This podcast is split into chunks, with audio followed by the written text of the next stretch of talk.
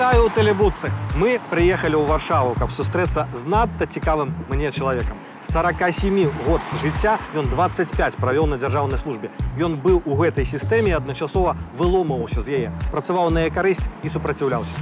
Павел Латушка. Замест таго, каб адкрываць соты сезон у купалаўскім тэатры, ён вымушаны быў з'ехаць з Беларусі і цяпер знаходзіцца на тэрыторыі Еўрасаюзу.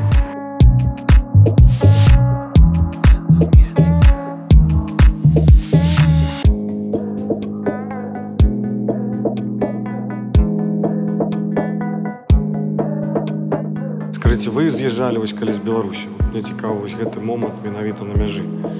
Вы разумелі, што вы з'язджаеце э, там не на тыдзень. Якія у вас у прынцыпе думкі былі? Э, Конечно, я кожную раніцу записываў на телефон сваіх сяброў, на свой телефон, дачкі, знаёмых, што я здаровы чалавек, я маю усе даведкі пра сваё здароўе э, псіхалагічнае перадусім, да?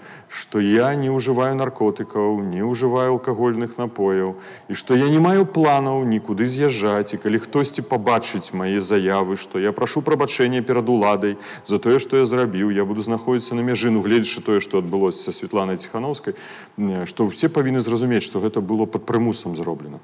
Фактычна я ў той дзень, калі нават прачытаў у інтэрнэце мне даслала дарэчы дачка выказванне лукашэнкі наконт таго што я перайшоў чырвоную рысу што я буду прыцягнуты да адказнасці у адпаведнасці з крымінальным кодексам я быў у мінску да у гэты дзень я быў на тэрыторыі аднаго з пасольства я не хацеў бы зараз сказаць пра гэта І якраз на гэтай тэрыторыі пасольства прыехаў яшчэ адзін пасол гэта быў дарэчы пасол Польшчы і адбылася гутрака дзе я абсалютна станоўча сказаў што я не маю планаў з'ехаць з беларусі я хачу застацца ў беларусі я прашу каб некалькі дзён я мог правесці на тэрыторыі пасольства ў нядзелю я спадзяюся што буду мець магчымасць і мяне падтрымаюць маніфестоўцы яны прыйдуць і забяруць мяне з гэтага пасольства і я выйду зноў у горад і буду працягваць тую дзейнасць дзеля якой я уже фактычна прысвяціў сваю жыццё. Але яны мне сказалі, што гэта немагчыма, яны не могуць атрымаць сітуацыю, калі будзе яшчэ адзін ці першы асанж у, у Беларусі. Я с, да апошняга моманту шукаў варыянту, як застацца. Ну, але пазней у меня адбылася гутрака з адным супрацоўнікаў КДБ. Ну ведаеце, я ж працаваў амбасадарам, конечно, uh -huh. шмат людзей ведаю ў сістэме і у тым ліку ў спецслужбах. І мне было сказано, што ёсць два варыянты выбару. Ну, альбо з'ехаць альбо да, за крат. Да, і пытанне такое заўсёды паўстае ці я нібы павінен апраўдвацца, што я не сяжу ў турме, а з'ехаў. І... Але пытанне у... абсалютна лагічнае. Калі б я быў за кратамі, ці мог бы я штосьці зрабіць для Беларусі сёння? я конечно менш могу значна зрабіць тое что за мяжой я это здаю сабе справу абсолютно палітык э, павінен быць там дзе ён павін быць там дзе людзі дзе людзі змагаюцца і гэта натуральна гэта мне зразумела і гэта ўнутры унутраная барацьба і тая праблема якая існуе мне сёння чаму я ў варшаве а не ў мінску я павінен быць у мінску але рэальная сітуацыя такова калі ты маеш две крымінальныя справы патэнцыяльна калі ў цябе ёсць выклік па адміністратыўнай справе за нібы арганізацыю масавых маніфестацый 23 жніўня за выступленне на гэтых масавых маніфестацыях ты разумееш што адзінае што застаецца ты будзеш затрыманы будзеш сядзець у турме і што з турмы ты які сігнал імпульс ты зможаш даць Ну, вам было реально страшно калі вы не мне не было страшно я быў псіхалагічна готовы что я пойду уже за краты я нават адвакату сказаў что на 15 суток я готовы ну адзінае что шчыра прызнаешься что мой лекар сказаў что я могу вытрымаць без леку два-тры дні за кратамі я насіў з сабой дамову з адвакатам і э, документ медыцынскі ён рэчы да гэтай пары са мной заўсёды аб тым что мне патрэбна будзе ўжываць такія-то лекі бо інакш ну гэта было бы для мяне вельмі складаная сітуацыя Як вы адрэагавалі, калі даведаліся пра гісторыю з калеснікавай? Это ўчынак. Это ўчынак э, варты высокай самай высокай ацэнкі. І ўчынкам Марыі мы павінны ганарыцца. І людзьмі, якія выходзяць на вуліцы, мы павінны ганарыцца. Мы ўвогуле павінны ганарыцца нарэшце, што мы сталі нацыяй, мы сталі народам, мы беларусы, так, так. народ. Улада гэта не зразумела. Але глядзіце пры, пры тым што вы ўжо былі ў Польшы вы казалі што не гледзячы нават на крымінальную справу вы збіраецеся Да. бліжэйшы час вяртацца Это сапраўды. до 10 верасня я памятаю Не, я не сказаў ніколі дату. Я просто казаў, што гэта звязана з эканамічным форумам, які э, рыхтаваўся і адбыўся ў крыніцы. Пазней я праўда паехаў па еўрапейскіх сталіцах і сустракаўся з міністрамі замежных спраў, каб атрымаць ну першае давесці інфармацыю аб тым, што сапраўды дзеецца ў Беларусі, і атрымаць іх пазіцыю, як еўрапейскі саюз выпрацоўвае. Але моя ідэя і на той момант гэта абсалютна шчырая і быў абсалютна дакладная схема дзеянняў, якая, дарэчы, да гэтай пары рэалізоўваецца дзеля таго, каб мне была магчымасць вярнуцца ў Беларусь. Мне это не значыць толькі Паўлу латушку, нам, усім тым, хто вымушаны быў аказацца за мяжой. пры якіх умовах вы вернетесь Э, Умовы гэта, конечно, міжнародныя гаранты.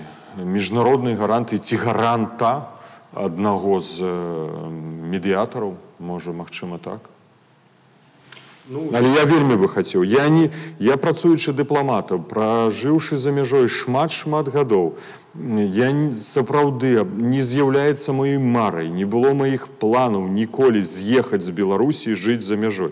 Ну калі б я гэта планаваў, паверце, я б уже Даўно, мог бы зрабіць 10 разоў. Так што вярнуцца ў Беларусь э, я бы хацеў просто ў свабодную вольную. Не пытанне, ці хачу я быць там палітыкам, ці не хачу быць палітыкам. Можа я просто хачу купіць маленькі домик каля леса і ў гэтым доміку быць. Але да гэтага яшчэ шлях і трэба яго дайсці, каб все ж таки Беларусь была свабодная. Вось гэта моя сёння мэта, гэта на тое, што я аддаю ўсе сілы.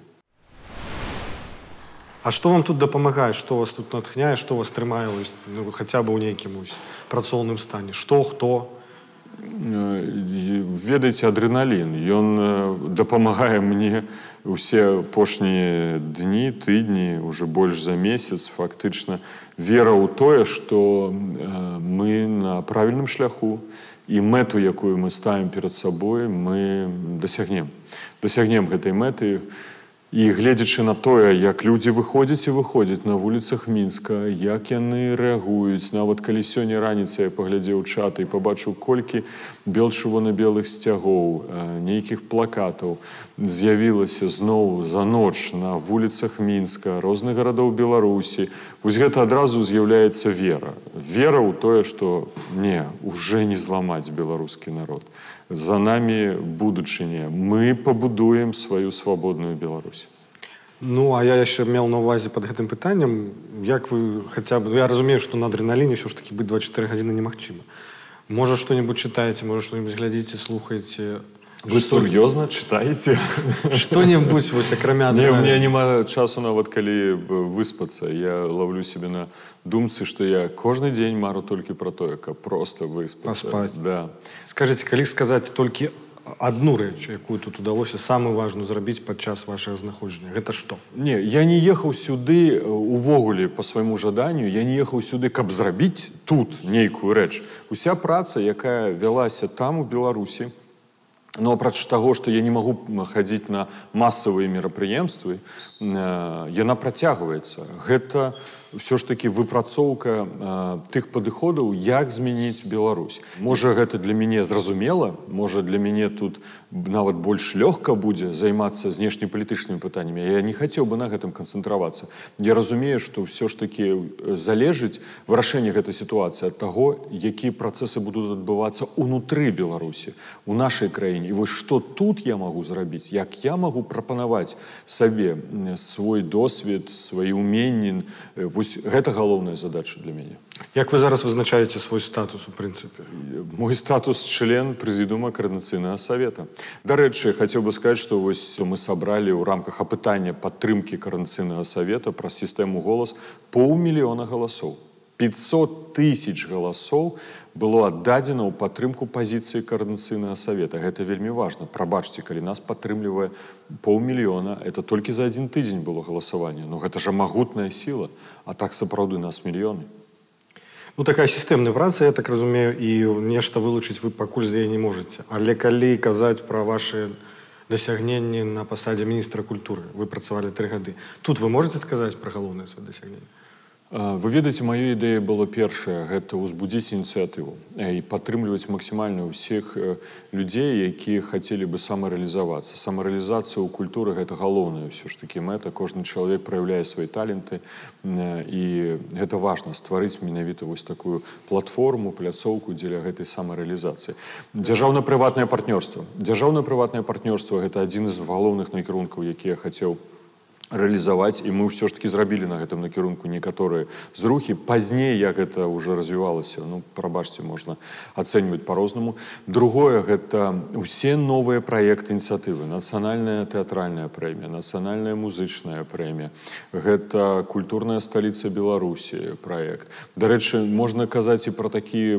агульна для ўсёй краіны важныя проекты а можна казаць і проекты якія можа адзінкава але таксама маюць вялікі ўплыў для краіны ну, напрыклад стварэнне цэнтра сучасных мастацтваў у віцебску там дзе віцебская школа вядомая таксама гэта адкрыццё помніка владимиру караткевичу у кіеве ну напрыклад памяць Васіля быкова я памятаю калі я толькі стаў міністрам культуры сваім сябрам мы селі і запытала я яго запытаў что ты думаешь что варта было мне зрабіць як міністру ён першы тут сказаў быкаў і гэта мне каштавала працы больш за тры гады пераканаць тады уладу каб все ж таки пастарацца захаваць мемарыялізаваць памяць быкова і мы адкрылі музей як вы ведаеце у ждановичах я сустракаўся ўдавой не аднойчы. Я разумею што это все кантралявала кДб Я пісаў лісты, меў асабістую гутарку,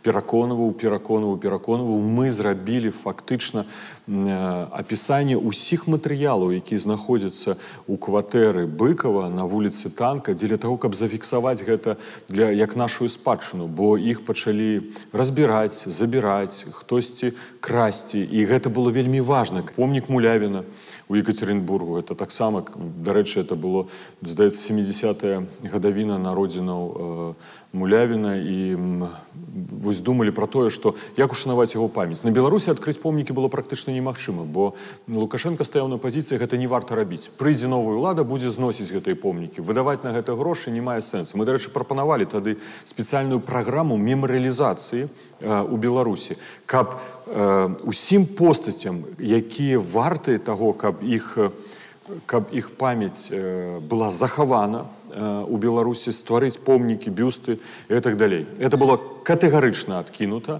з такой грознай рэзалюцыі ў адносінах да сідорскага вось і да мяне што што мы тут куды мы грошы хочам выкінуць. Пазней дарэчы у меня была ідэя. Я наведаў нацыянальны гістарычны музей у празе і пабачыў што яны зрабілі спецыяльны пакой выставачнае памяшканне дзе знаходзіліся бюсты помнікі усіх самых вядомых для і важных для гісторыі чэхі постацяў. І я прапанаваў гэта зрабіць у нацыянальным гістарычным музеі як элемент музеіфікацыі ну конечно тады намеснікам э, кіраўніка ідэалагічна ўправлення была невядомая спадарня дрыга mm -hmm. якая гэта скрэсліла дарэчы вось э, тады э, скрэслена была ідэя таго каб нацыянальны гістарычны музей знаходзіўся у будынку дзе сёння знаходзіцца на жаль следчы камітэт Рэспублікі Беларусь я памятаю гэту жахліў выходзіць дрыга нейкі больш уплыў мел да, это, это былі такія спрэчкі вельмі жорсткія я ўспамінаю сітуацыю калі было 130годдзя купалы коласа і мы рыхтавалі э, дзяржаўны канцэрт э, у сувязі з уручэннем прэміі за духовнае адраджэнне і тады падчас падрыхтоўкі рыхтуецца сцэнар які падпісвае міністр культуры які ідзе наверх калі это удзельнічае прэзідэнт значыцца на, на ўзровень э, кіраўніка дзяржавы і яна выкрэслівае творы купалы коласа я тады сказаў ёй Ірына владимировна прабачце значыцца штраус і моцарт гэта наша нацыянальная спадчына і духоўнае адраджэнне калі яны застаюцца ў канцэрце а вершы купалы і коласа такавымі не з'яўляецца то візуйце гэты дакумент самі ну тады она вымушала было змяніць сваю пазіцыю калі заставлялі рабіць цэнзуру дарэчы вось і пра купалаўскі тэатр гэта быў спектакль не мой вядомы калі мне просто скидывалі з пасады я піткевич сказаў а я готовы падаць у адстаўку на што яна мне сказала вы не даражыце креслам которое дал вам прэзідэнт Размовы были э, у советские часы за такие спектакли здымались с посады. Я кажу, ну так здымайте. И гэта, Яна Петкевич ніколі не была на спектакле не мой. Ніколі. А была кто? Дрыга. И Дрыга поспела написать на Купаловцев документ. Я памятаю первую национальную театральную премию. Мне звонить Макей, я кіраўнік администрации, кажа, как вы дошли до того, что вы поставили Светлану Зеленковскую на открытие этого концерта? Вы знаете, чья она является любовницей?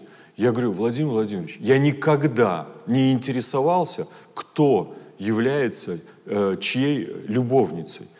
Это не мой вопрос как министра культуры. Светлана Зеленковская, ведущая актриса Купаловского театра. Вы повинны выкинуть ее з открытия национальной театральной премии. Ну, и он размовлял по-русски, зразумел. Я говорю, я этого не сделаю. Вы обязаны это сделать. Я сказал, я это не сделаю. И он положил трубку. Я приехал в министерство, и раздаются звонки по специальной связи, звонок с звонком. Я не снимаю трубки, я понимаю, почему мне будут звонить. Прибегает э, помощник и говорит, Павел Павлович, пожалуйста, снимите трубку, звонит Радьков. И Радьков, первый замглавы администрации, пытается меня убедить в том, что я должен выполнить поручение Макея. Я говорю, я не выполню это поручение Макея, я подаю в отставку. И сегодня же пишу заявление президенту. Проходит пять минут, звонит Радьков. Зеленковская останется на открытии национальной театральной премии. Ну, только единственное, что ни один из телеканалов ее не покажет. Ну, вось, это была постоянная война, постоянно. Тебе э, заўсёды крытыкавалі, што ты размаўляеш по-беларуску, ставілі в пастойкі смірна і казалі, што вы дазваляеце, прымушаеце іншых. Я памятаю, прабачце пра тых, хто адышоў, не кажуць дрэнна, Владимир Заметалин. Гэта, дарэчы, таксама была першы мой крок, які першая думка, якая прыйшла, я зраблю ўсё, каб Заметалин быў звольнены звольнены з дырэктара нацыянальнай кінастудыі беларусфільм і ведаеце чаму Таму што той чалавек які сказаў што беларускай культуры не існуе мовы не існуе то я не мог сабе ўявіць што такі генеральны дырэктар будзе у нацыянальнай кінастудыі беларусфільм але ён зрабіў гэта все сваімі руками калі ён пачаў п'яным страляць зброй э, з э, пісталета на студыі на кінастудыі я тады у пайшоў да макея скажу што трэба яго звальняць он скажа паінфармуйце прэзідэнт сапраўднага пісталета так сапраўднага пісталета кустурыца дарэчы тады прыехаў на фестываль я яго запрасіў ён не змог сустрэцца бо я ему по тэлефону он был просто п'яны і тады дарэчы лукашенко мне сказаў пасля выбраў звальняй яго я яго звольню і раздаецца тэлефонны звонок ад лукашенко і ён мне кажа а что это вы себе позволяете такое вы понимаете что вы уволили человека который назначается с согласия президента. Я говорю, Александр Григорьевич, ну вы мне это согласие дали при открытии Мирского замка. Тогда-то и тогда-то. Пауза. Он говорит, хорошо, но сейчас вы должны понимать, что всю ответственность за развитие кино берете на себя вы. Я, скажу, я сказал, я понял, я принимаю на себя эту ответственность. Мне ўдалося гэта зрабіць. Это было цяжка, это было такое выпрабаванне. Ну пазней кіно. Кіно мы пачалі рэформу у рамках дзяржаўна-прыватнага партнёрства. Моя ідэя была дарэчы тут вельмі актыўна кансультаваўся з Андреем курэйчыкам. Мы вельмі шмат сустракаліся размаўлялі пра гэта і вось менавіта стварыць сістэму калі дзяржава по конкурсу могла бы дапамагаць прыватнай кінастудыі дзяржаўнай кінастудыі прыватнай дзяржаўнай кінастудыі з удзелам тэлебачання і гэтак далей і мы правялі толькі першы конкурс ну пазней я уже зайшоў з пасады міністра культуры і на жаль пахавалі ўсю гэту ідэю яна на сённяшні дзень не функцыянуе падчас таго як вы знаходзіліся на гэтай пасадзе былі яшчэ такія два моманты Па-першае хваля забарону чарговая на беларускую музыку. Другой кампанію супраць свабоднага тэатру. Ці мелі вы да гэтага нейкае дачыненне? Калі быў уведзены так званы чорны спісак выканаўцаў гэта адбылося на нарадзе ў адміністрацыі прэзідэнта под старшынствам радзькова і былі міністры ўсе сацыяльнага блоку усім дрыга раздала лісток без подпісы. у якім былі ўпісаны ўсе тыя, хто забаронены для выступленняў на канцэртах.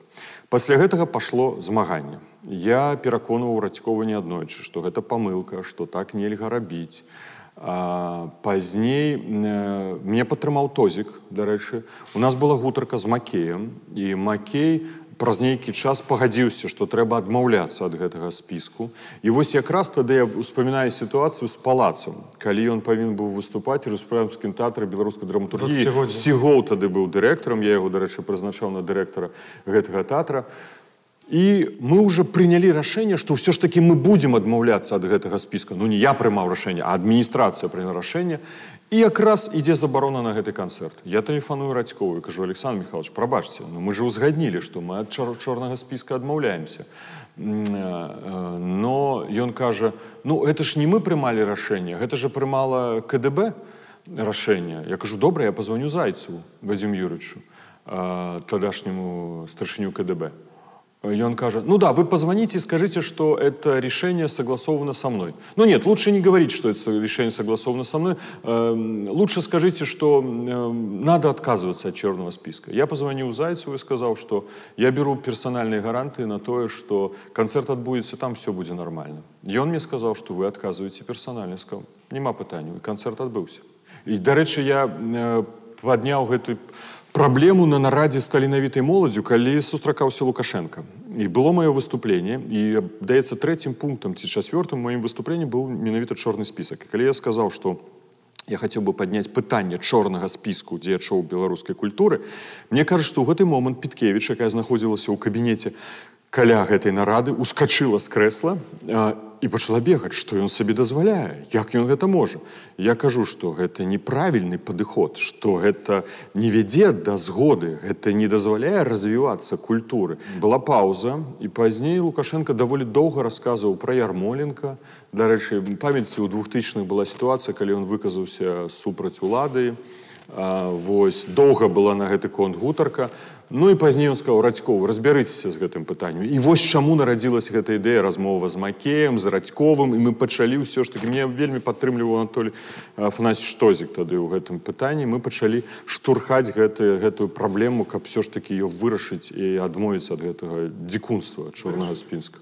мне падаецца што пад канец уже свайго знаходжання на пасадзе міністра фактычна это уже не дзейнічала конечно это было даволі цяжка ну там да глупства было что там былі уведзены амерыканскія артысты акцёры прабачце якіх фільмы нельбы было показывать да по тэлебачанні нават казіятка я памятаю мы абмяркоўвалі гэта генеральны дырэктар СТВ смяўся з гэтага ну это же аўтар гэтага спіса дрыга а, так дрыга персональна яна вы самі что-нибудь на, на сваіх дзяржаўных розных пасадах забаранялі не ну я не могу вспомнить такое наадварот я кажу что у меня были ситуации калі мне прымушалі э, ужываць цэнзуру на спектаклі не мой по алесю адамовичу адмяніць спектакль translations пераклады у пастаноўцы пенігіна і вось тады якраз гэтая спрэчка адбылася з піткевіча пра магчымае звальненне з пасады што ў савецкія часы за такі спектакль звальнялі з пасады сказаў калі ласка звальняйте Вось і тады была вельмі такая жорсткая сітуацыя. Я памятаю, што тады я запытаўся ее Наталья Владимировна, а вы былі на гэтым спектаклі? Она кажа не, я кажу, а вы ведаеце, у чым там галоўны сэнс. Там э, салдат, які англійскі размаўляе па-руску, а дзяўчына ірландка размаўляе па-беларуску. І вось гэта выклікала нібы такое уражанне што тут вось ёсць канфлікт на гэтай глебе двух моў. Я сказаў не галоўнае у чым? Галоўнае што перамагае каханне бо яны кахаюць адзін аднаго. І неважна па-руску ці па-беларуску ты размаўляеш галоўнае што іх аб'яднала гэта аб'яднала каханне так што ну вось такія сітуацыі былі. Ёсць учынак за які вам сорамна калі вы былі міністрам ну, ведаеце гэтае пытанне не першы хто вы ставіце мне на яго вельмі цяжка адказаць бо так ну чалавек можа по свайму характару так стараецца дрэннага не помніць можа я да вот цяжка сёння это сабе так прыпомніць за што мне можа сорамна можа хтосьці іншы скажа я гатовы адкрыты і прызнацца ў тым што калі я зрабіў гэтую памылку галоўнае я ўспамінаю што мне былі даволі вострыя спрэчкі з маім братам наконт таго ж як я магу працаваць міністрам культуры у лукашэнкі. Бо ён быў абсалютным праціўнікам ён быў катэгарычна ён удзельнічаў у ўсіх мітынгах і нават у десятым годзе калі быў разгон дэманстрацыі быў міністрам культуры ён разам з сваім сынам яны былі на гэтым мітынгу.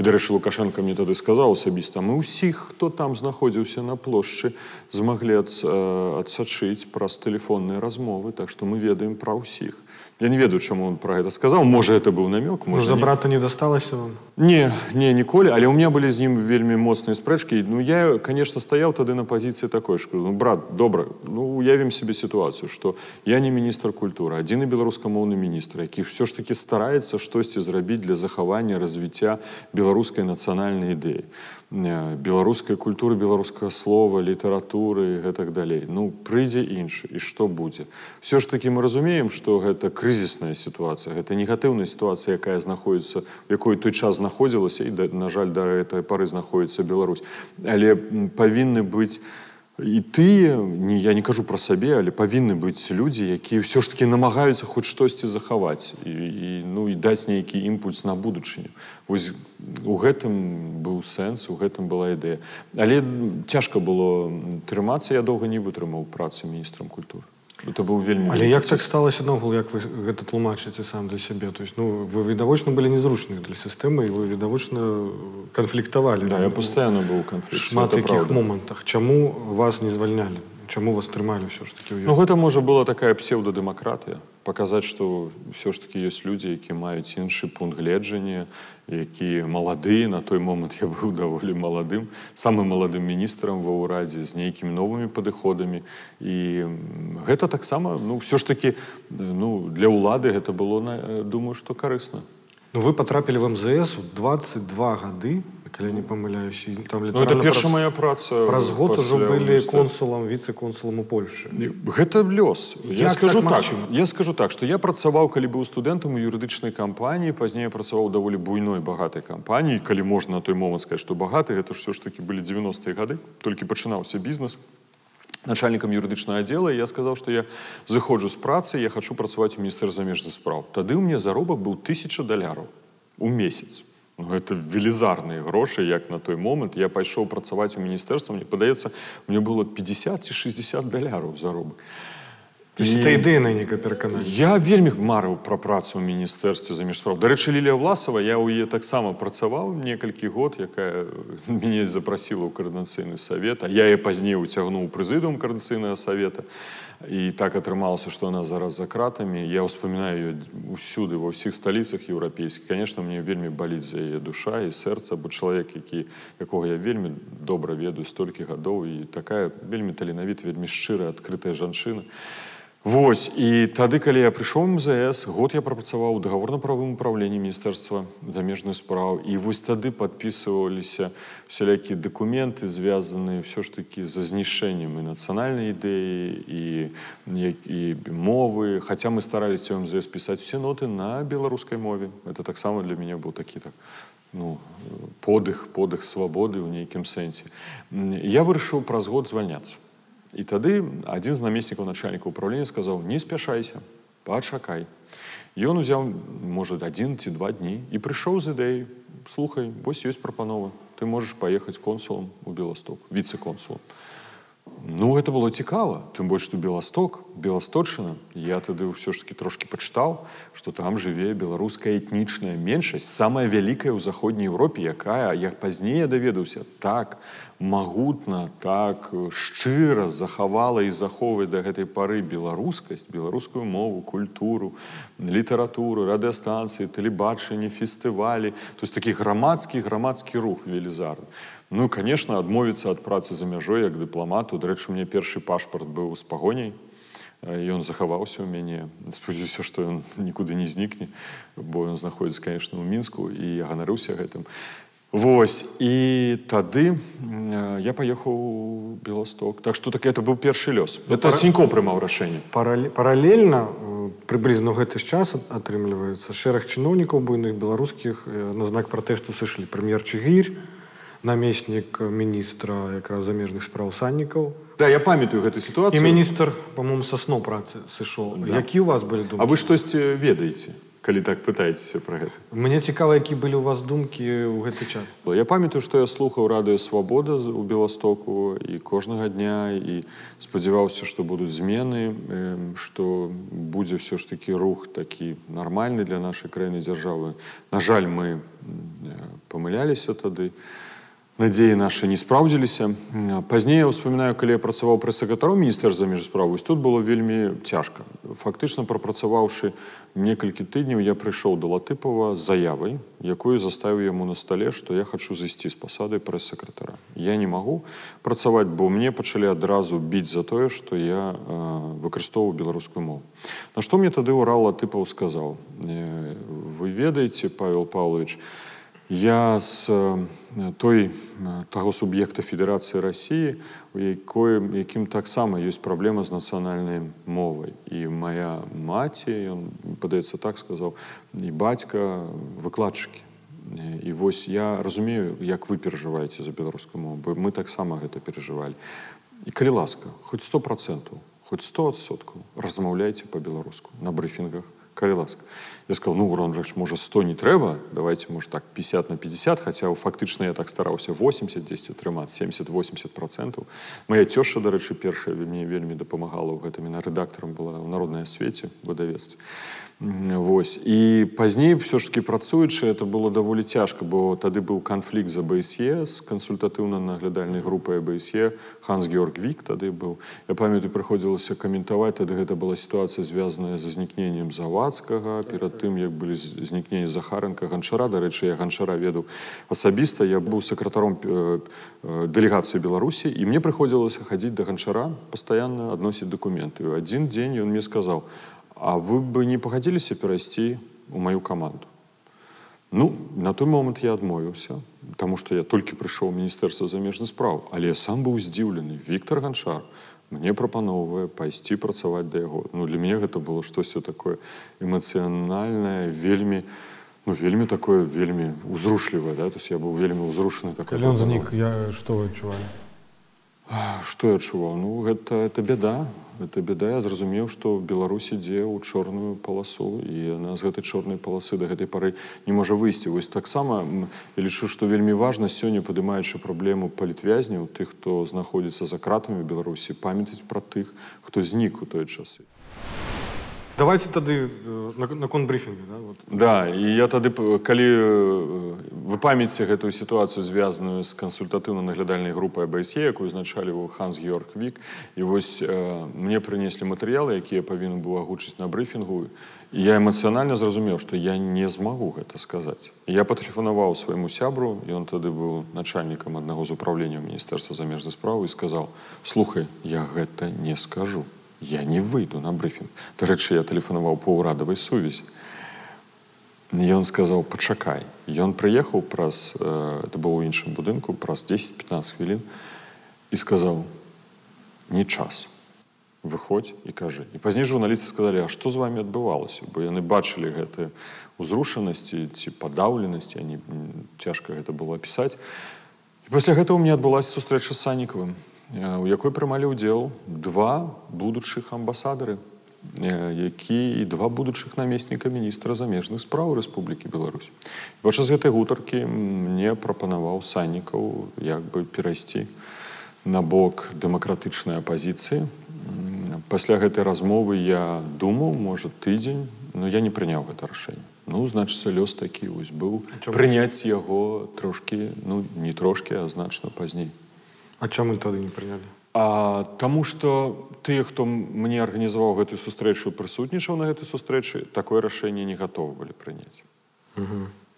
Вось ведаеце, ёсць таксама разуменне, што чалавек адзін можа прыняць рашэнне, але калі ёсць грамада, калі некалькі людзей сяброў паплечнікаў, ну гэта псіхалагічна лягчэй. А калі табе 27 20 8 ну все ж таки такія рашэнні даволі цяжка самастойна прымаць але я хочу Тут. зразумелі каб вы мне я не апраўдваюся я просто калі вы прасілі пра шчырасць я ад гэтай моманты ніколі нікому не, не расказваў і прыдумаць я думаю что гэта цяжка праўда э, ну я показываю тыя супярэчанні якія былі ўнутры ў мяне яны заўсёды існавалі да яны але ну, нейкі момант яны прыйшлі вось да гэтай мяжы праз якую лукашан сказаў што я перакрочыў а я яе уже не мог перакрочыць все зразумеў дальше я буду хлусіць настолькі моцна сабе настолькі гэта мне будзе ціснуць я з гэтым жыць не смогу Але вы прызнаецеся зараз, што вы хлусілі тады. Хлусілі, хлусілі, да, хлусілі. Я прызнаю. Дыпламаты ўвогуле такая праца. Дыпламат, як кажуць, хлусіць, э, робіць гэтага кожнага дня, але робіць гэта ў інтарэсах краіны. Вось тут узнікае пытанне. Калі ты робіш гэта ў інтарэсах краіны, дзяржавы, а калі не у сваіх уласных. І тут ёсць супярэчнасць паміж тым, што вы раней сказалі, што вам не сорамна ні за што падчас дзяржаўнай службы. То есть вам не сорамна за хлусню. Не, я же казаў, што няхай іншыя адказваюць на гэта пытанне. Вы казалі, што ёсць нейкія моманты, прыклады, за якім не можа быць сорамна. Ну зразумела, што калі ты знаходзішся на дзяржаўнай службе, тым больш калі гэта аўтарытарны дыктатарскі рэжым, то ты ідзеш на, на, нейкую, на нейкі кантракт з сумленнем. Да? І вось кошты гэтага кантракта, якія ты плаціш унутры ці звонку, яны заўсёды існуюць. Так што ну, ты идешь на эту сделку. И тут я повинен признаться. Это так. Но я думаю, что и, и это добро, что я признаюсь, не? Это выдатна, але ці вы лічыце, што вы ахвяра тут ці не, ж такі не, якая я ахвяра? Ахвяра сістэмы фактычна, не? Нет, я не лічу сябе ахвяраў. Ахвяры я лічу, што Э, зноў такі я прымаў тады гэтыя рашэнні я выступаў на брыфінгах у міністэрстве міжных спраў на беларускай мове можа прабачце вось гэты гэты заклік или праз тое што ты размаўляў по-беларуску ты тоже таксама хаця хлусня якая розніца на якое на мове да але ўсё ж таки гэта нейкі такі быў пасыл у грамадства ну ўсё ж такі ну мы ж беларусы да ну цяжкае цяжкае пытанне вы мне зараз задалі на яго так цяжка адказаць Ну, а у вас паўставала думка папрасіць прабачэння за тую хлусню? Я прасіў ужо прабачэння. Прасілі. Да, быў это вось якраз у гэтыя дні я прасіў прабачэння. Магу яшчэ раз паўтарыць. Ну, тут же ж не пытанне ў тым, колькі разоў ты папросіць прабачэння. Галоўнае, што ў табе тут. Ці ты сам сабе можаш выбачыць тое, што ты рабіў. Ці ты павінен вярнуць тое за то, што ты рабіў зараз іншымі ўчынкамі. Ну, про музыку мне, конечно, цікаво у вас запитатися. Що слухав латушка студент? Якую музыку? Ну, рок не. Не. Шчыра скажу, Не гэта англомоўная музыка перадусім была. Э, Ну я все ж таки это англійская музыка Это была якая? популярная. Ну, Депешмот, я там... Класс. э, Bad Boys Blue, штосьці такое. Я вспоминаю. Пазней, конечно, я вельмі быў прыхільны да народнай музыкі, народных спеваў. І гэта таксама ўплыў быў вельмі значны м, э, беласточчыны. І па- пазней, калі ўжо працаваўшы міністрам культуры, я таксама стараўся, каб мага болей на нашых канцэртах была чутна беларуская мова. І гэта не важна, які быў стыль, але просто каб беларуская мова была. А на канцэрты нейкія хадзілі, наведвалі? Студэнцкія часы? Не, я, я таксама не быў так э, актыўным з пункту гледжання ведання канцэртаў.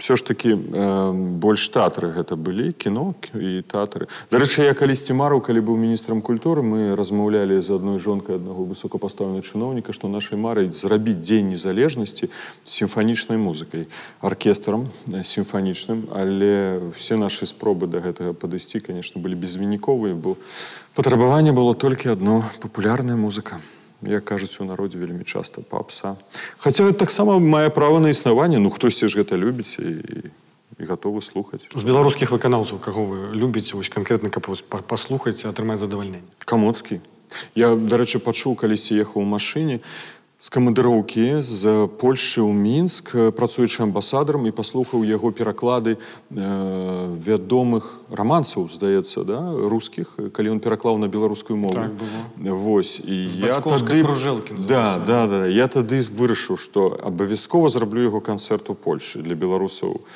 Польшы не атрымалася але пазней калі ўжо працаваў э, працаваў міністрам культуры мне было не ўжо паслом у францыі мне было другое вяселле і я яго запрасіў на вяселле ён дарэчы быў у мінску і пазней у Польшы Камоцкі граў у вас на да, вяселле? да, да. І на адным і пазней другое было вяселле як бы другі дзень у Польшы для сяброў я рабіў для якіх я шмат ведаў конечно за час працы Вы адзіны бадай што міністр, які м, быў сябрам таварыства беларускай мовы. Прынамсі ў двухтысячных. Вы ведаеце, гэта было так, што сапраўды я наведваў сядзібу таварыства беларускай мовы. Я памятаю, што калі быў студэнтам, Э, талаку наведваў да талака такой была першая арганізацыя да такая беларуская ну гэта ад бацькоў шло это ад майго бацькі які заўсёды шанаваў беларускую культуру беларускае слова і у нас заўсёды гучала ў сям'і не скажу что там 24 гадзіны 7 дзён у тыдні але беларуская мова заўсёды была ў прыярытэце ён расказваў пра беларускую гісторыю пра беларускую культуру я наадварот быў такі ў сям'і такі піянер хутчэй за ўсё камсамолец да я не з братом мяне дзесьці так выхоўвалі ну выхавалі адкуль гэта ўзялася у сям'і у бацькі я думаю что таксама ад дзядоў ад прадзедаў гэта гэта ну неяк так ад сахі фактычна ён з вёскі гэта волма такой вялік вялікая вёска была калісьці такі нават гарадок можна было сказаць і гэта так э, пайшло менавіта ад, ад яго бацькоў І вось ну не я нават мне цяжка сказаць я можа шкадую што не запісаў менавіта чаму ён так думаў чаму ён быў да гэтага так прыхільны што ім кіравала перадусім але тое што ён сапраўды заўсёды быў за беларускасці за беларускую незалежную дзяржаву я памятаю калі я маленькім хлопчыкам быў мы ішлі з ім вечарам ноччу ён мне трымаў за руку і сказаў мне паглядзеўш на мне я вельмі не хачу каб ты сынок ваяваў у афганістане калі тады ў савецкі саюз войск вёў мне падаецца ну ці там уже шлі вайсковую аперацыю ў афганістане вось гэта таксама памятаю гэты момант і пазней гэта ўжо было звязана з культурай ўсё такой грамадскай пазіцыі то есть ён як бы заўсёды выказваў хаця мы жылі э, у дамах кіраўніцтва справамі прэзідэнта кіраўніцтва справамі цэнтральнага камітэта кампартыі ён і маці працавалі менавіта ў Э, такой службе якая займалася як бы абслугоўваннем усіх гэтых дамоў і ён ведаў за іразгар напрыклад скульптара я памятаю што ён з балонкай такой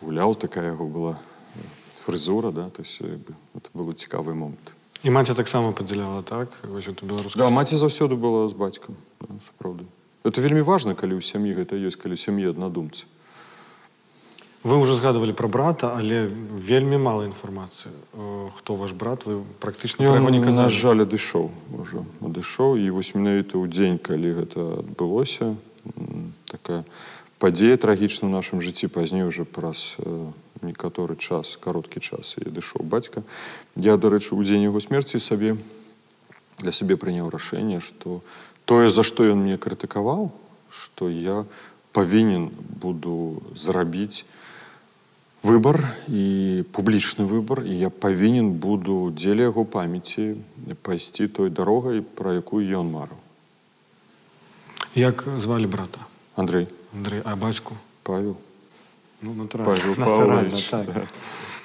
вы прызнаваліся што пісалі вершы да але нідзе не знайшоў ніводнага ці можете прыгадаць ну можа чатырох радкоўя ну калі валенціна мне дасць мой телефон у мне там у А, не, у iPad. Во, у iPad ёсць. Да. Вы ведаеце, я паглядзеў фільм э, Купала. Я праглядзеў яго двойчы.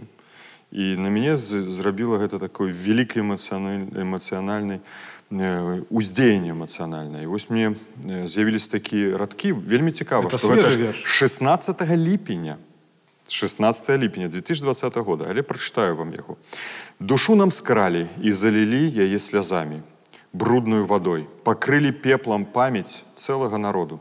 Няўжо мы нават мар сваіх пазбаўлены даскону. Няўжо купалы слова пойдзе ў нябыт, мы нацыя мінулага, мы страчаны народ. Не так, не пагажуся з тым ніколі. Мы маем права быць людзьмі. Ад нараджэння ў спадчыну, прыняўшы гонар на свабоду. Мы ўстанем з пепла, адмыўшыся ад бруднай вады бо мы крыніца ўсіх правоў і ўсіх малітваў Богу. Крынічная вады успіўшы, мы вернемся і вернемся дадому. Вяртаючыся да вашай працы амбасадарам ужо ў Польшы. Што вы лічыце самае важнае, што вы зрабілі падчас гэтай працы? Амбасадараў Польшы. Амбасадарам Польшы.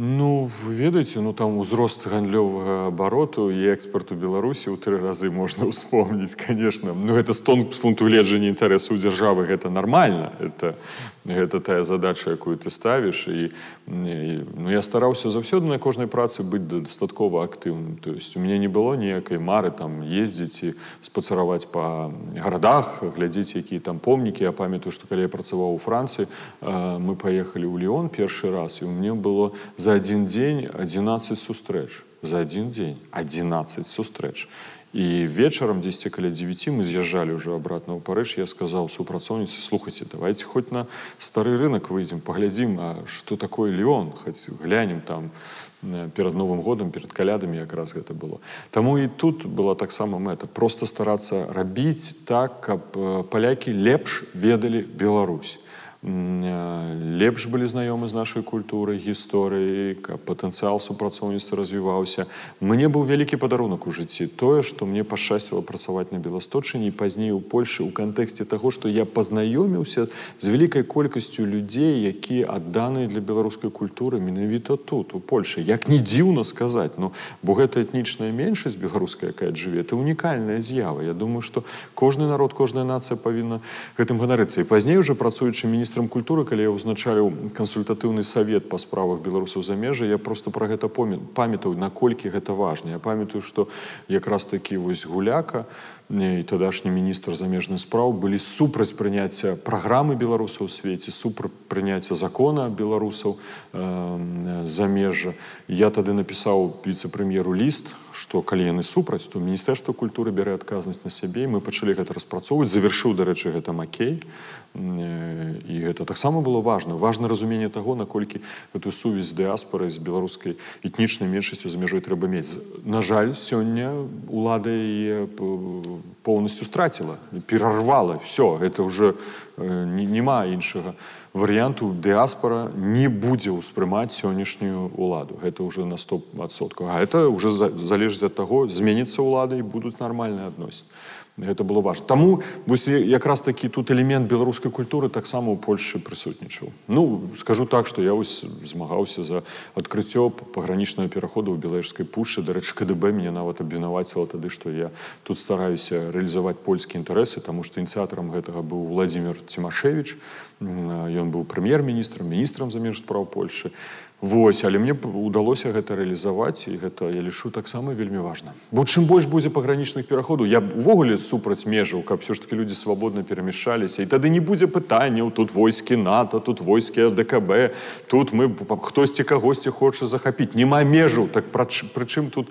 э, захапіць адзін аднаго. Да? Гэта ўвогуле нейкая паранаідальная заўсёды гісторыя, што мы шукаем чамусьці ворагаў. Давайте можа шукаць сяброў, ствараць тое, каб разам побач побач з намі былі сябры давайте згадаем цяпер пра вашу працу ў францыі что там галоўнае вы зрабілі францыя ўвогуле не зацікаўлена беларусю гэта трэба прызнаць і гэта для мяне быў першы такі э, ну стрэс які я атрымаў прыехаўшы ў парыж я прывык адчыняць дзверы э, так можа сілаю намагацца калісьці нават адзін польскі палітык сказаў наконт мяне ну у вас добры амбасадар беларусі польльшы ён калі праз дзвер не войдзе то праз вакно ўлезе я так падумаў ці гэта мне быў камплімент ці гэта негатыўна але ў прынцыпе такі такі мой характар я гатовы да, дасягаць мэты заўсёды і ў францыі я быў здзіўлены што іх ввогуле парыжа не цікавіла Беларусь таму я пачаў ездзіць па рэгіёнах і мне падаецца што за гэты час тое што мы зрабілі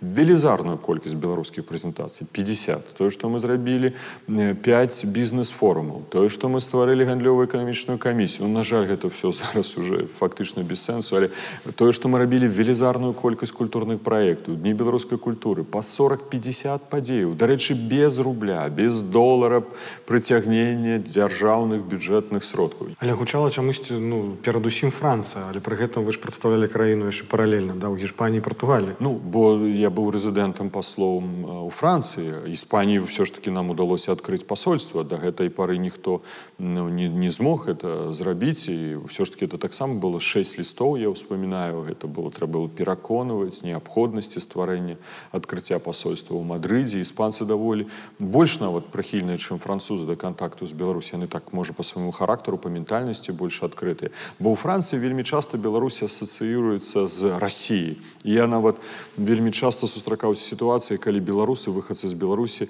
ім лепш было назвацца рускімі дзеля таго каб іх успрымалі у Францыі і сам калі напрыклад береш нейкі дакумент для посольства рахунак кажа что ты з посольства беларусі яны напишуць у гэтым докуменце ўсё роўна з Росіі Ну і вось гэта была праблема яны просто не ведаюць да не ведаюць про нас і гэта, гэта галоўная была місія сапраўды каб нас больш ведалі Ну на жаль зараз гэта драматычная сітуацыя гэтаму дапамагла менавіта падчас працы ў францыі вы завялі нстаграм навошта А дарэчы, это адбылося ў Іспаніі.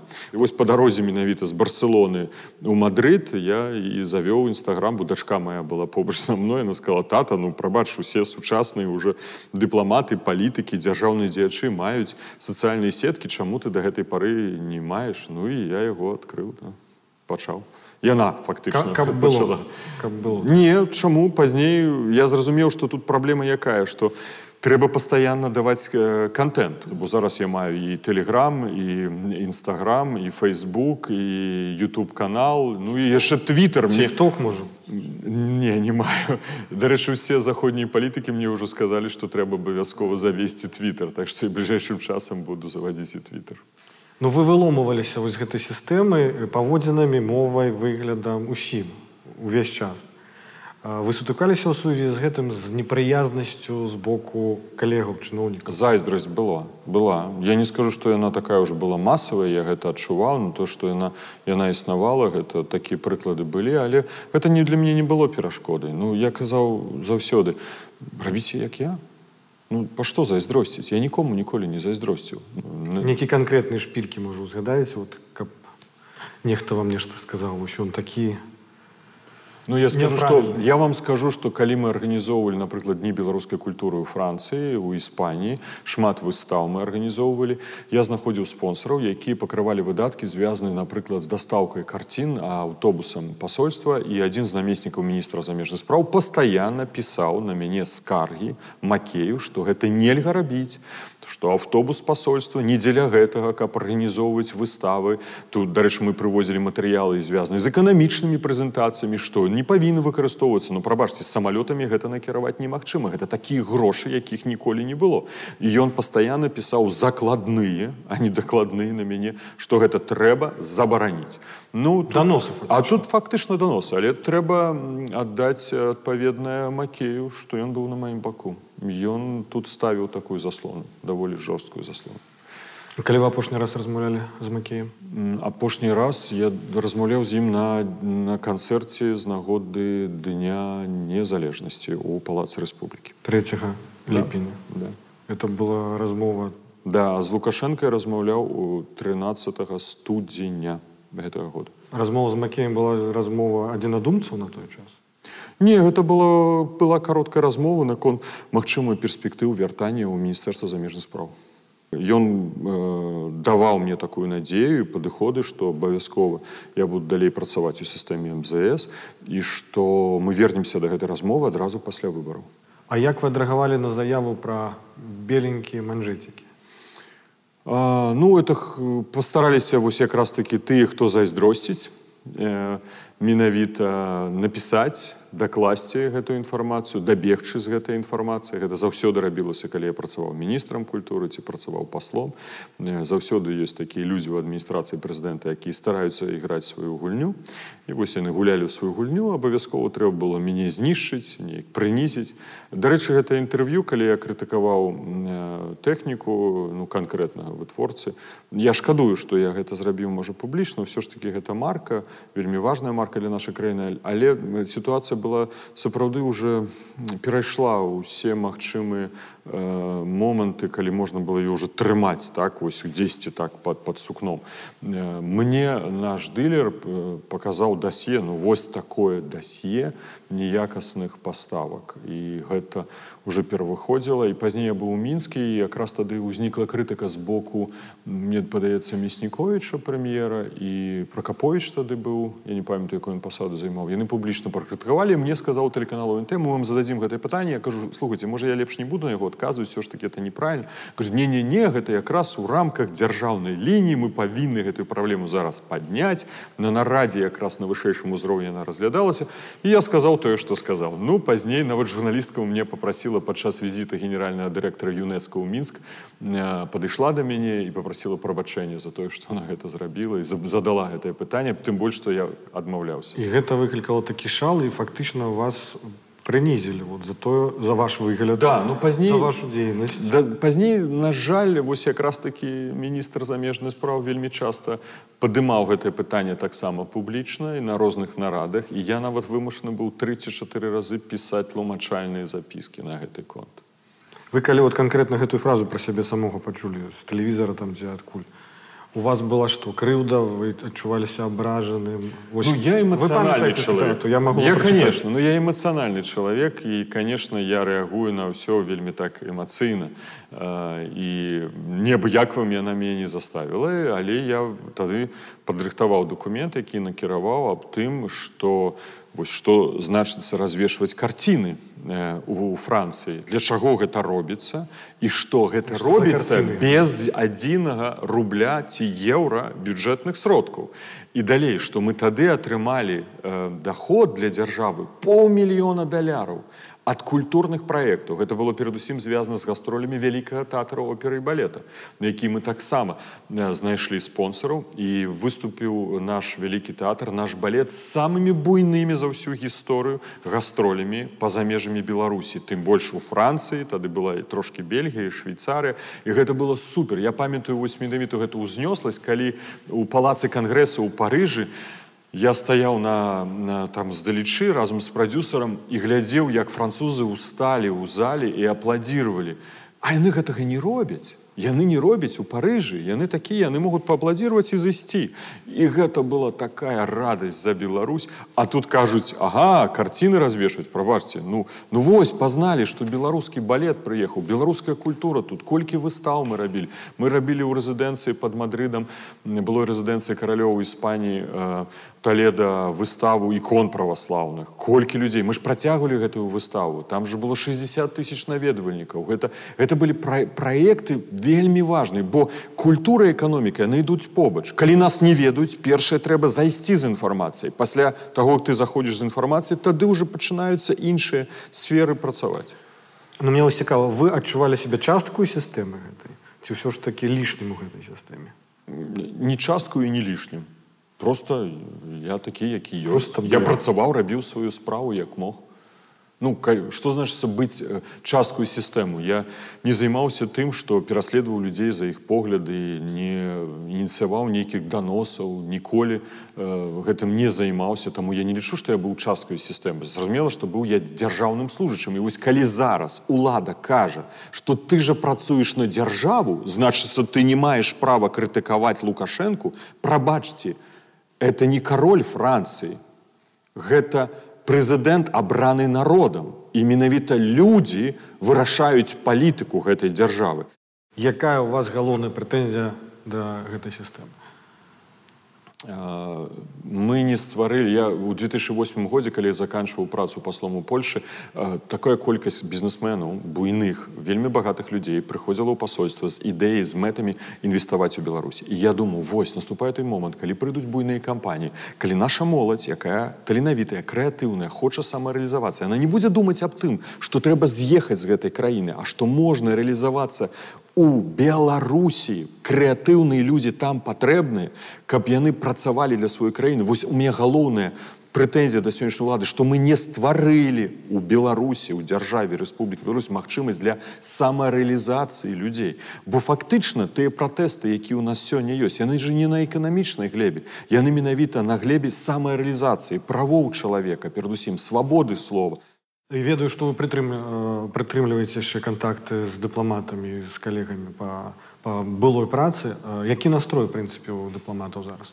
Ну я вельмі крытычна вельмі крытычна і вельмі вялікая фрустрацыя сістэма все расколата не мае міністэрства замежных справ яно на паперы толькі існуе фактычна уже пачынаюць шукаць людзей дзе толькі немагчыма бо вакансій вельмі шмат у міністэрстве і вакансій у пасольствах а далей будзе гэты крызіс паглыбляцца бо эканамічная сітуацыя не дазволіць утрымліваць такую колькасць пасольстваў у такім складзе штатным як ёсць так што беларускім дыпламатам на сённяшні дзень трэба прыняць рашэнне яны хочуць замяніць гэтую сістэму дзяржаву і захаваць сабе далей у дыпламаты для дзяржавы для краіны ці ўсё роўна яны страцяць гэтую пасаду большасць з іх палова з іх страціць гэтай пасады бо за кожнае слово іх афіцэр па бяспецы напіша на іх данос за тое што ў нас эканамічны крызіс у сувязі з тым кіш крызіс будзе скарачэнне аптымізацыя яны зноў э, пакінуць сваю працу так што тут ну, сістэма развалена ёсць развалена і знешняя палітыка таксама і сам апарат гэта шкада мне вельмі шкада про ваш прыход у купалаўскі гэта было звальненне з, з працы амбасадарам прызначэнне дырэктарам купалскага фактычна гэта ж як бы паніжэнне У нас ёсць праблема ў міністэрства замежных спраў што менавіта вяртаючыся за мяжы ты павінен зноў станавіцца ў рэзерву прайсці камісію то есть кожны раз пасля завяршэння камандыроўкі ты нібы як новы піянер уступаеш у шэрагі беларускіх дыпламатаў абнуленню так абнуленне і гэта дзіўная сітуацыя адзіная якая існуе ў краіне хто я стварыў менавіта гэта з'явілася падчас апошняга міністра і дарэчы з некаторымі амбасадарамі размаўлялі што гэта неправільная сістэма што я трэба мяняць бо прафесійная дыпламата яна павінна захоўваць свой касцяк да? яна павінна функцыянаваць забяспечваць далей працу сістэмы сістэмы дыпламатычныя маю на увазе да? дыпламаты Беларусь і я завяршаючы сваю працу не было ніякіх прапановаў на конт працаўладкавання быў у парыжы мяснікович михаил владимир што старшынёй сайта рэспублікі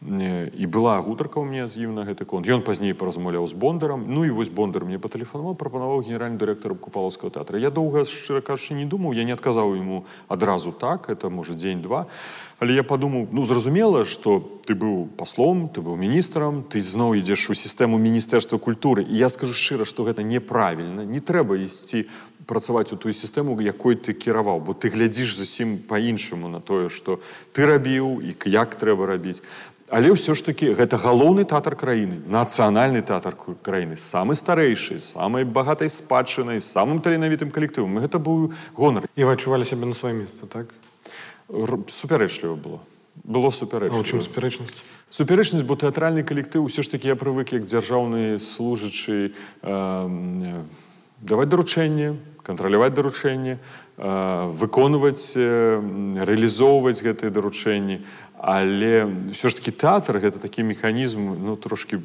такой больш дэмакратычны чым міністэрства чым пасольства пагадзімся праўда і гэта гэта было адаптавацца да гэтага было даволі цяжка Завіс... Мне падаецца, што дзесьці ўжо апошнія дні было ўжо разуменне таксама і з калектывам і і з супрацоўнікамі бо фактычна мы стварылі вялікі пул спонсораў у нас было 27 кампаній спонсораў за гэты час вось калі працаваў мы паднялі заробкі мы адпрацавалі ўжо гастролі по беларусі мы столькі ездзілі по гарадах беларусі заўсёды з прыбыткам ніколі гэта был не быў мінус.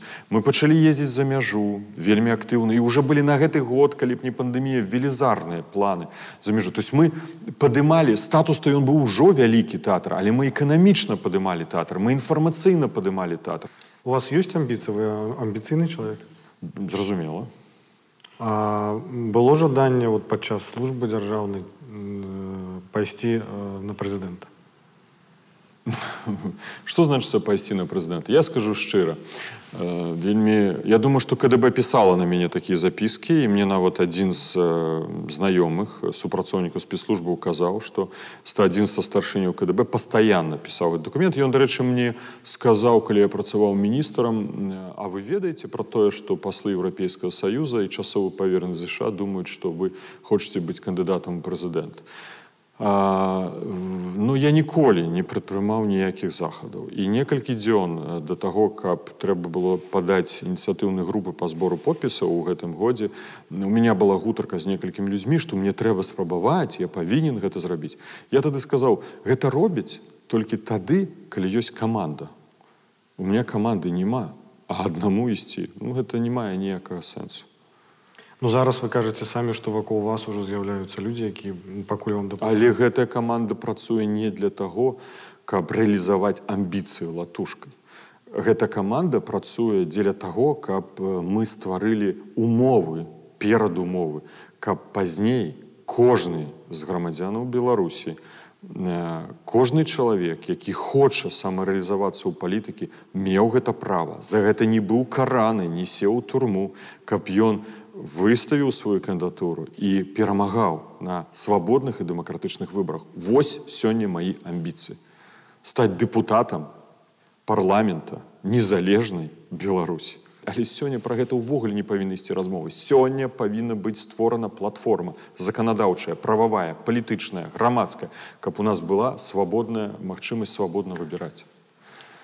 Калі вы былі на службе, вы казалі ў адным з інтэрв'ю, што адчуваеце гонар, калі чуеце дзяржаўны гімн, калі бачыце дзяржаўны сцяг, а цяпер вы маеце на увазе ну конечно калі ты прадстаўляеш краіну і калі ты ўручаеш даверчыя лісты і ты разумееш што ты пасол незалежнай беларусі по-рознаму можна ацэньваць сітуацыю ўнутры як нас успрымаюць у свеце але ўсё ж такі беларусь існуе як дзяржава конечно гэта гонар і выконваецца гімн падымаецца сцяг ну хаця я ўспамінаю у той дзень калі б прынимаўся закон аб дзяржаўным гербе сцягу у 91 годзе тады я памятаю галасаванне было я слухаю это па радыёкропцы па радыё на кухні у кватэры на танка я памятаю што слёзы былі на вачах я быў такі шчаслівы што бел чырвона-белы сцяг і гер пагоні сталі нашымі дзяржаўнымі сімваламі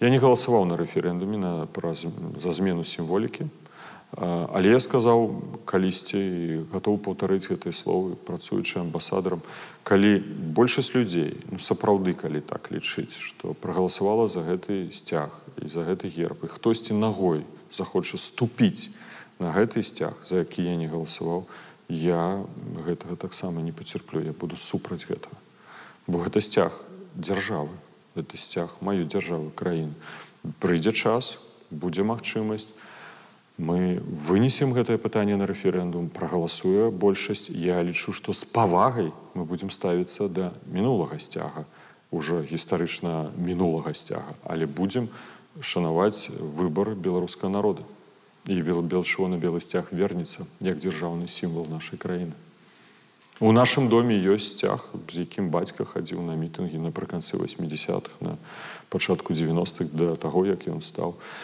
э, дзяржаўным Пры канцы праграмы у кожнага госця пытаюся адно і тое ж пытанне задаю. Як тут жыць далей? Тут маецца на увазе ў Беларусі, конечно. Вы ведаеце, я памятаю у лютым я быў у вільні, я наведаў капліцу, дзе быў перапахаваны прах кастуся каліновскага. Я стаў на калена і у мне былі слёзы на вачах і вось тады унутранее такое ўзрушэнне і разуменне таго было я не ведаю чаму но менавіта ў гэты момант я зразумеў я веру ў Беларусь так вось трэба верыць у Беларусь верыць у беларускі народ бо мы ўжо народ і значыцца мы верым што наша Беларусь будзе незалежнай і свабоднай я ў гэтым перакананы Ну што тады падарунак пры канцы кожнай праграмы таксама дару госцю раблю падарунак у мінулай праграме прысвечанай купалаўцам мы замовілі прыватнай майстэрні шакаладу 100 труфелей ручной працы з выявы купалаўскага я так падумаў што несправядліва калі вы хаця бы адну не пакашту не пакаштуеце ведаю што у вас дыета таму вось уручаю Мачыма яна вось трошки так вось пераб'е горыч ад знаходжання на чужыне цяку вялікі Ну калі б гэта не цукеркі, я б сказаў бы, што з'ем, калі вярнуся. Да? Ну, я спадзяюся, што гэты момант прыспее хутка і спадзяюся з вами ўбачыцца ў прынцыпе у вольнай беларусі па хуткім часе. Ну я буду старацца іх захаваць да или калі, калі Э, не, не хочу про это казать. Все ж таки мы их скушаем, разом з'їдім э, Да, у потім зам- Беларусі. замовимо яще. Ви Яще, можете да. з'їсти тут, а ми замовимо ще. Добре, дякую вельмі. Дякую вам за розмову. Дякую. А для гледачоў мы разыграем яшчэ адзін набор купалаўскіх цукерак. Можа так стацца ў будучыні, што Павел Латушка ўзначаліць якую-нибудь грамадскую ініцыятыву ці нават палітычную партыю. Прапануйце ў каментарах яе назву і слоган аўтара самай цікавай ідэі і чакае салодкі прэс. Заставайцеся ў тэлебуд.